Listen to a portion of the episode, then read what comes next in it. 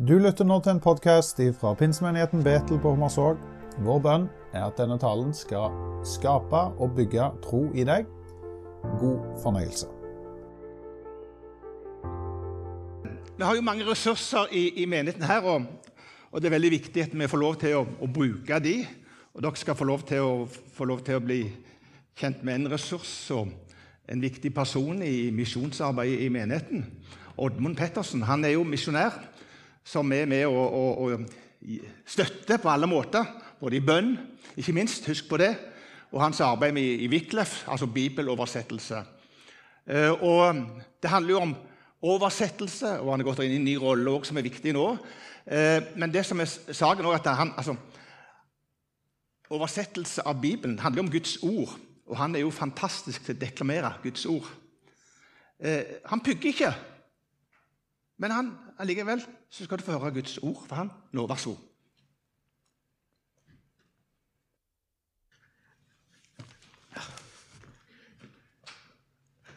Da Jesus var i Jerusalem under påskehøytiden, så var det mange som kom til tro på hans navn da de så de tegnene han gjorde.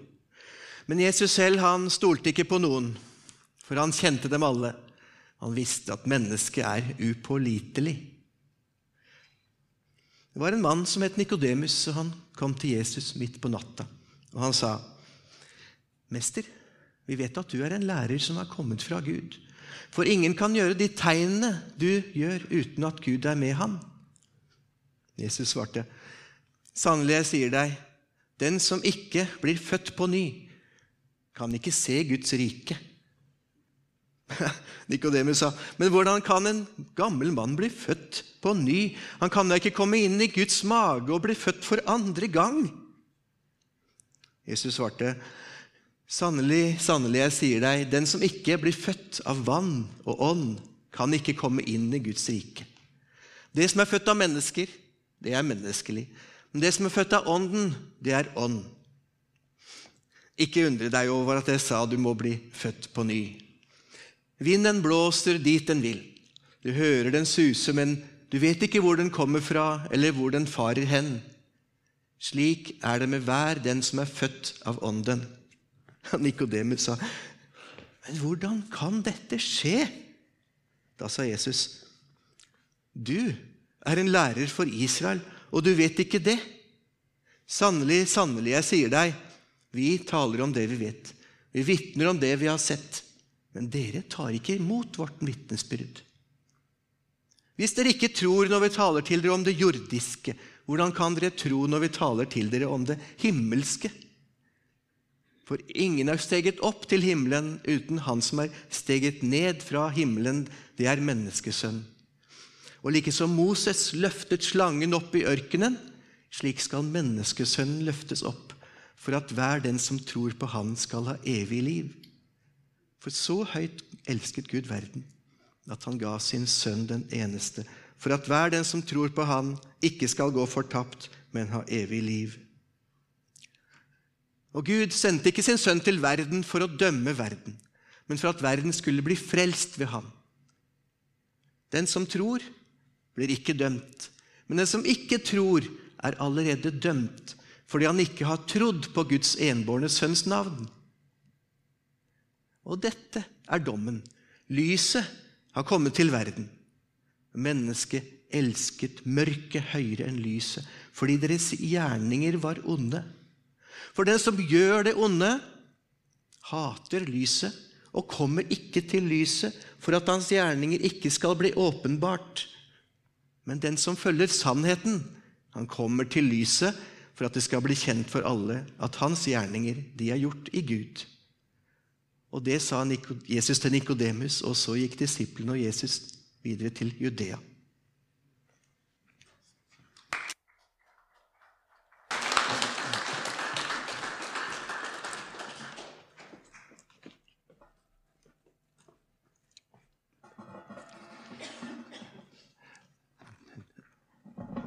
Det var mer Han burde få større applaus enn det han fikk nå.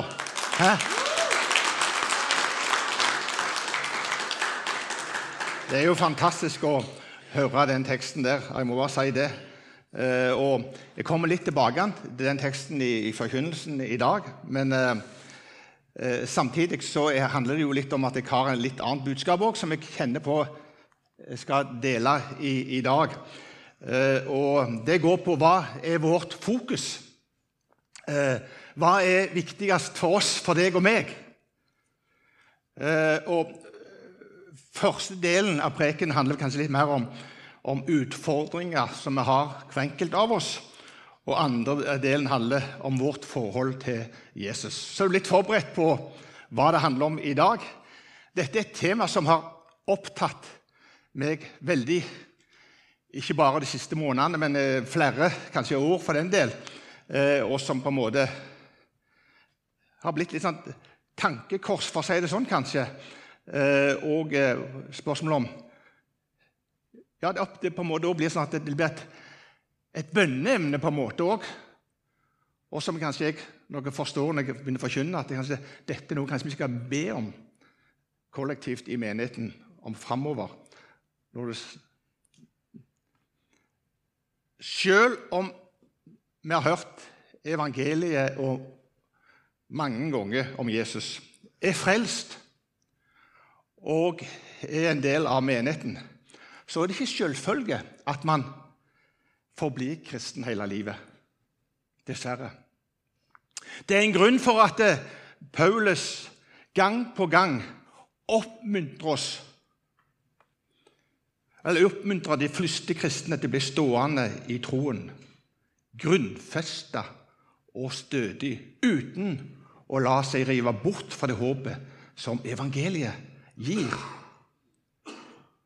Paulus han fikk smertelig erfare at flere av de som sto han nær, gikk vekk både fra tro, tjeneste av ulike grunner. Altså, det, er jo, det er jo utrolig mange røster i tida. Og du kan bli forvirra av mindre, holdt jeg på å si. Og røstene som er innenfor kristenheten i dette landet. Det er en spesiell tid på mange måter. Og vi blir påvirka mye mer enn det vi er klar over. Ikke minst da media, sosiale plattformer osv. osv. Hva skal vi mene om alt vi skal tro om, tro, og alt som serveres? Utfordringen vår som kristne er at det som er etisk riktig i samfunnet, ofte er kollisjonskurs med kristen etikk og Guds ord. Og Jeg tenker også på, på ungdom som vokser opp i dag. Det må ikke lett å forholde seg til alt som serveres. Det må jeg bare si. Men hva, hva, gjør dette med oss, med deg og meg? Og hvordan skal vi forholde oss til det? Og Jeg nevnte jo det, vi skal be, selvfølgelig. Og Det er utrolig viktig, og det tror jeg må være et bønneemne. Klarer vi å leve etter Guds ord i denne tida, med alt dette som, som skjer?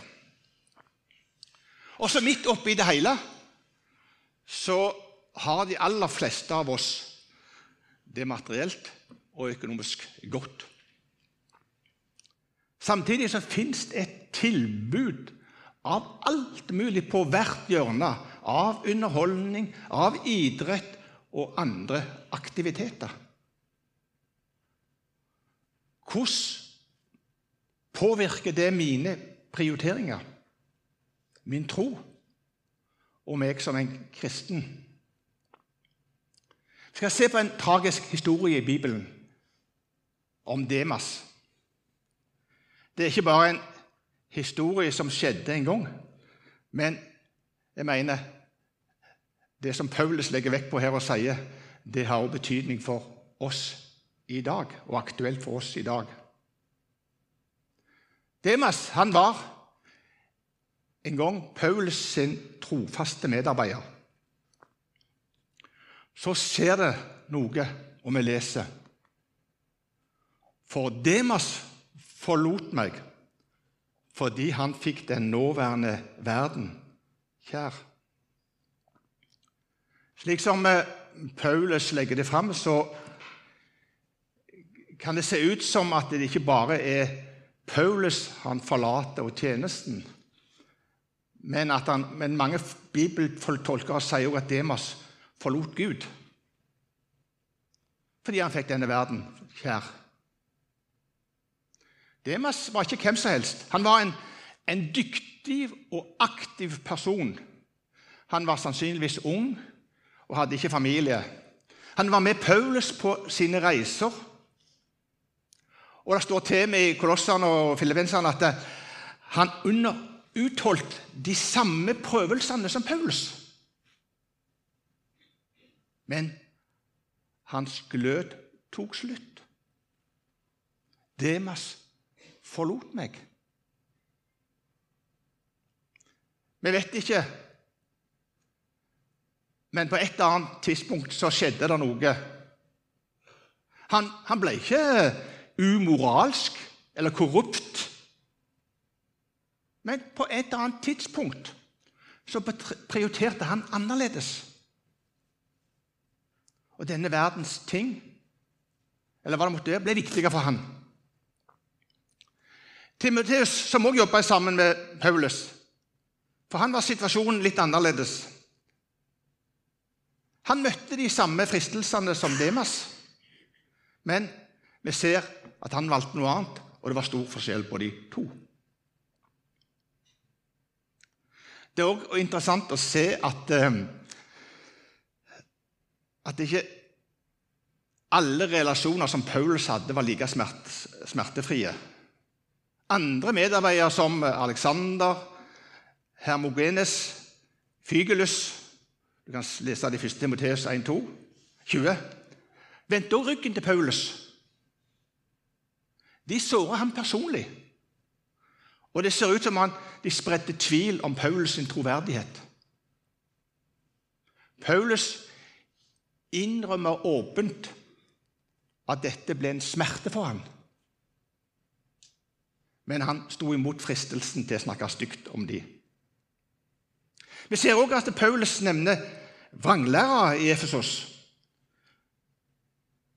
Han sier at deres ord vil spre seg som koldbrann. Hymoneus og Filetos, 2.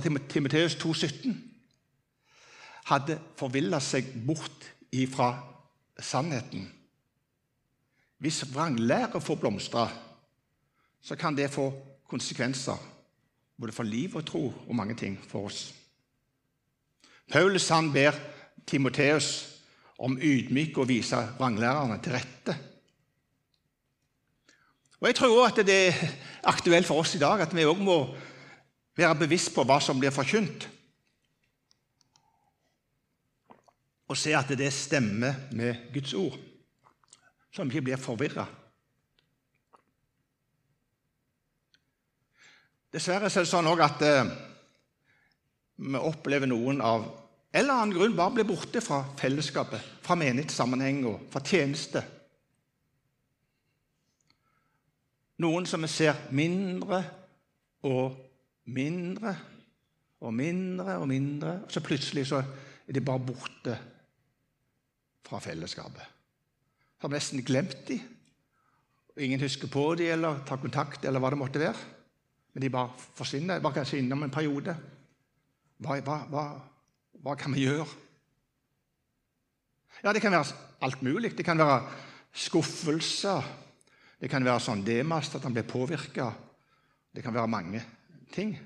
Og fristelser som, òg man, man møter. Jeg tror at vi mer en gang må være bevisst på at vi har en motstander som på en snikende måte vil frarøve oss det viktigste i livet troen og fellesskapet. Djevelen er en mester til å lure oss og tro at menigheten ikke er viktig, at fellesskapet ikke er viktig. For han vet at vi er helt avhengige av det for å overleve som kristne. Jeg vet ikke om dere har Jo, det har dere gjort. Dere har sett sånne feller som lages for dyr. Ikke sant? Hvorfor tror du dyrefeller skjules? Selvfølgelig er det for at dyr skal snuble over dem eller gå i dem uten at de er klar over det.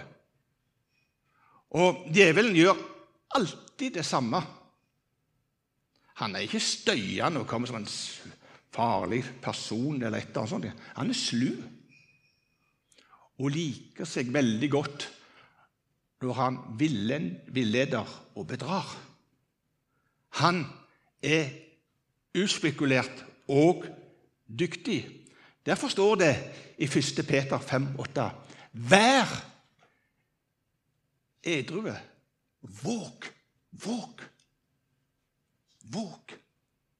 Mot alt som skjer rundt oss, alt som påvirker oss, alt som liker at ikke det tar plassen ifra det viktigste i livet, som gjør at vi kommer bort og en dag står holdt på å si, utenfor porten. Vi påvirkes av denne verdens tankegang, og den får mer og mer innflytelse inn i våre liv. Den er så snikende at det nesten ikke oppdager det. Og vi må bare innse det at det fins noe som er synd. Ja, der er det. Selv om samfunnet aksepterer mye mer synd på ulike områder, så er det synd.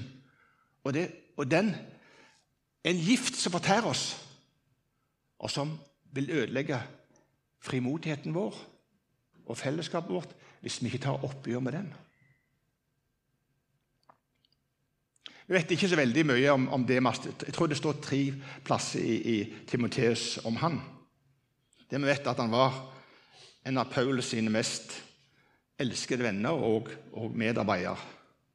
Og han var for støtte for Paulus i fangenskapet og, og reiste mye sammen med han. Men som sagt så fikk han denne verden kjær og forlot Paulus.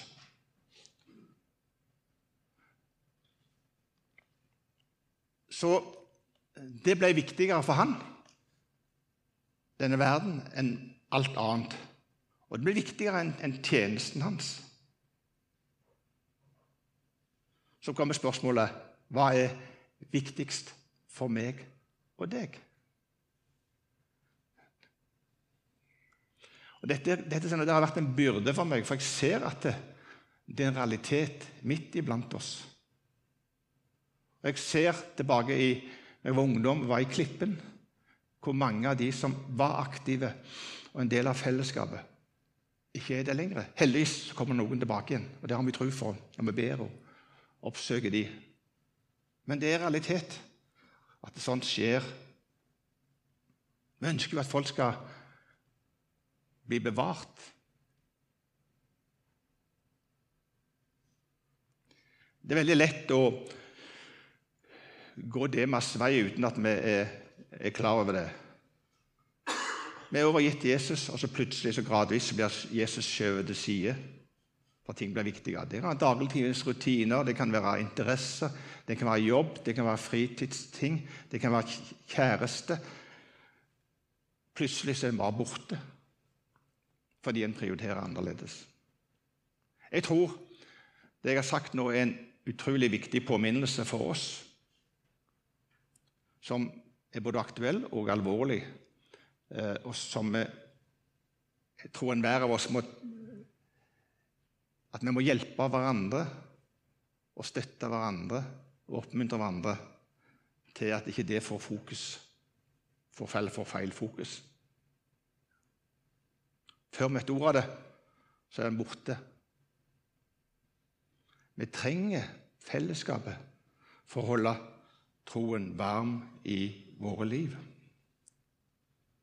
Så fører dette nå eh, tilbake til et spørsmål som er en del av det som Oddmund deklamerte fra Guds ord. Hva er viktigst i livet vårt. Om vi vinner hele verden, men taper vår sjel, så har det ingen verdi. Ingenting må komme i veien i vårt forhold til Jesus. Og det å prioritere vårt personlige forhold til han må være det viktigste for å fullføre løpet. I teksten Oddmund leste, dreier samtalen seg mellom Jesus og Nikodemus om fødsel. Nikodemus skjønner ikke hva Jesus snakker om i hele tatt. Han er på en helt annen kanal, holdt jeg på å si. De snakket om helt to forskjellige ting. Nikodemus tenker på en, en, naturlig fødsel.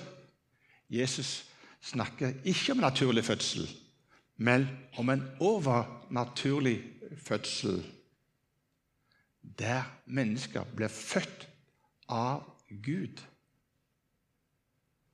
Det handler om å bli født på ny. Det er det grunnleggende for å og nødvendigste for å bli bevart. Jeg vil si, jeg, jeg kan gjøre det så godt jeg kan, og, og, og Men saken er vi kan ikke gjøre så godt som vi, som vi vil, kan. Og, for det handler om Jesus og det han gjør. Derfor må vi ha personlige erfaring og opplevelser. Og det skjer noe når vi blir født på ny. Selv om man kan kalle seg en kristen og gå de rette plassene. Men når fødselen skjer, så skjer det noe, noe nytt. Jesus bruker et fødselsspråk i samtalen med Nikodemus. Det understreker hvor viktig det personlige møtet er med, med, med han. Det å bli en ny skapning Fødsel handler jo om en ny skapning. Og når man blir født, så er man ikke ferdigutvikla. Det er en begynnelse. Men det har skjedd noe utrolig viktig. Og I teksten som ble lest, står det ingen kan se Guds rike uten at han blir født på ny. Og Derfor er det så viktig at vi forkynner et klart frelsesbudskap både til oss voksne, men også ikke minst ungdom, så de får den personlige biten med seg. For når det, når det skjer noe på innsida, så er det så mye lettere å stå i alt, mot, mot alt som møter oss, og som vil påvirke oss. Hvis vi lever i den fornyelsen til enhver tid, og i den fødselen. I Hverdagsbibelen står det det som er født av et menneske, er kun et menneske. Men den som blir født av Den hellige ånd, vil merke at Ånden gjør hans indre levende. Johannes 3, 6. Den hellige ånd gjør et verk. Det var, det var mange oppfattelser om, om, Jesus på hans tid, og det er det òg i dag. Mange oppfattelser. Og Mange mener kanskje han har levd, og han har en fin person og flotte holdninger og mange ting. Og Sånn var det på Jesu tid òg. Og Det står i Matteus 16, 13-16 Da Jesus kom til distriktet rundt Cesarea Filippi, spurte han disiplene sine hvem sier folk at menneskesønnen er. De svarte. Noen sier døperen Johannes, andre Elia, og i andre igjen Jeremia eller en annen av profetene. Og dere, spurte han, hvem sier dere at jeg er? Da står Simon Peter klart fram. Du er Messias, den levende Guds sønn. Disiplene hadde vært sammen med Jesus i nærmere tre år. De hadde vært rundt i byer og landsbyer og opplevd mye med han og sett mirakler og tegn under. Og, og ca. et halvt år før Jesus skulle forlate jorda, så spør han disiplene hvem han var.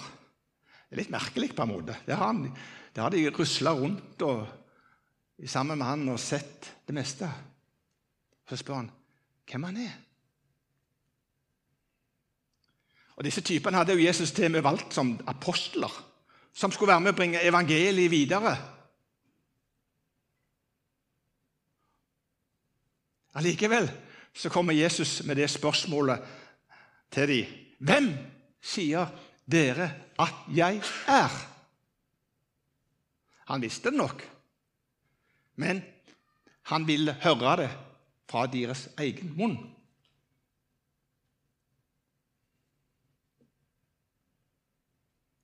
Det var ikke bare et svar de skulle gi, men faktisk så var det også en, en bekjennelse. Og da sier Peter, 'Du er Messias, den levende Guds sønn'. Peter var ikke tvil, i tvil. Er du i tvil? Dette spørsmålet stiller Jesus til oss òg i dag. Hvem er han for deg? Er han førsteplassen i livet? Er han Messias, den som vi prioriterer? Ja, jeg er frelst. Ja, ja. Jeg har vært i tre år, jeg òg. Jeg har vært i ti år, jeg. Ja. Jeg har vært det hele livet. Men Jesus spør likevel i dag hva betyr han for deg, og hva betyr han for meg? Som disiplene vil han høre det fra vår egen munn. Det står i Kolosserne 2,6. Slik dere altså har tatt imot Kristus Jesus, Herren, så lev i ham, rotfestet og oppbygget i ham, og grunnfestet i troen, slik dere er blitt opplært til, idet dere er rike i den med takksigelse. Se til at ingen bedrar dere ved filosofi og tomt bedrag eller menneskers overlevering etter verdens lærdommer og ikke etter Kristus. For i hans kropp bor hele guddommen, guddommens fylde, og i ham har dere blitt fylt. Han som er hodet for all myndighet og makt. Ikke mist fokuset på Jesus eller andre ting påvirker deg mer enn han, som kan forstyrre din tro. Det handler om å leve nær Jesus, det handler om å leve nær, være åpen for Den hellige ånd, være åpen for det han kan gi. Jesus er ikke hvem som helst. Han er Messias. Jesus Kristus, Guds sønn. Han er vår frelser. Til slutt så er det en proklamasjon. Evangeliet er Guds kraft til frelse for hver den som tror. Og er du her i tvil om frelsesspørsmålet, så er dette anledningen til å gjøre det. Er det her ting du kjenner at du må ta oppgjør med på bakgrunn av din livsforskjell eller liv, eller hva det måtte være, så er han her. Det står at når vi kjenner våre synder, så er han trofast og rettferdig og forlater våre syndere. Det er lett å komme på avstand. Det er lett å miste fokuset.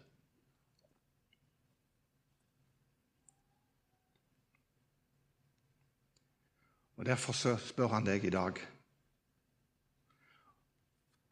Og det er kanskje her hvis du det er forbønnsområde der, så hvis man har lovsang etter hvert, så kan du gå bort der og der. Men samtidig skal vi òg be sammen. Så hvis noen kjenner at Den hellige ånd har talt inn i livet nå, enten det gjelder eller andre, så skal vi være med og, og be for deg. Men først må jeg at vi skal proklamere sammen det som Peter gjorde når Jesus spurte han. Kan vi ikke si det sammen at du er Messias, den levende Guds sønn? Skal vi si det sammen? Du er Messias, den levende Guds sønn. vi tar det en gang til, så alle kan få bli med på det, som en proklamasjon og som en bekjennelse for Jesus Kristus. Og åndeherren i himmelrommet for den del. Du er Messias, levende Guds sønn. Amen.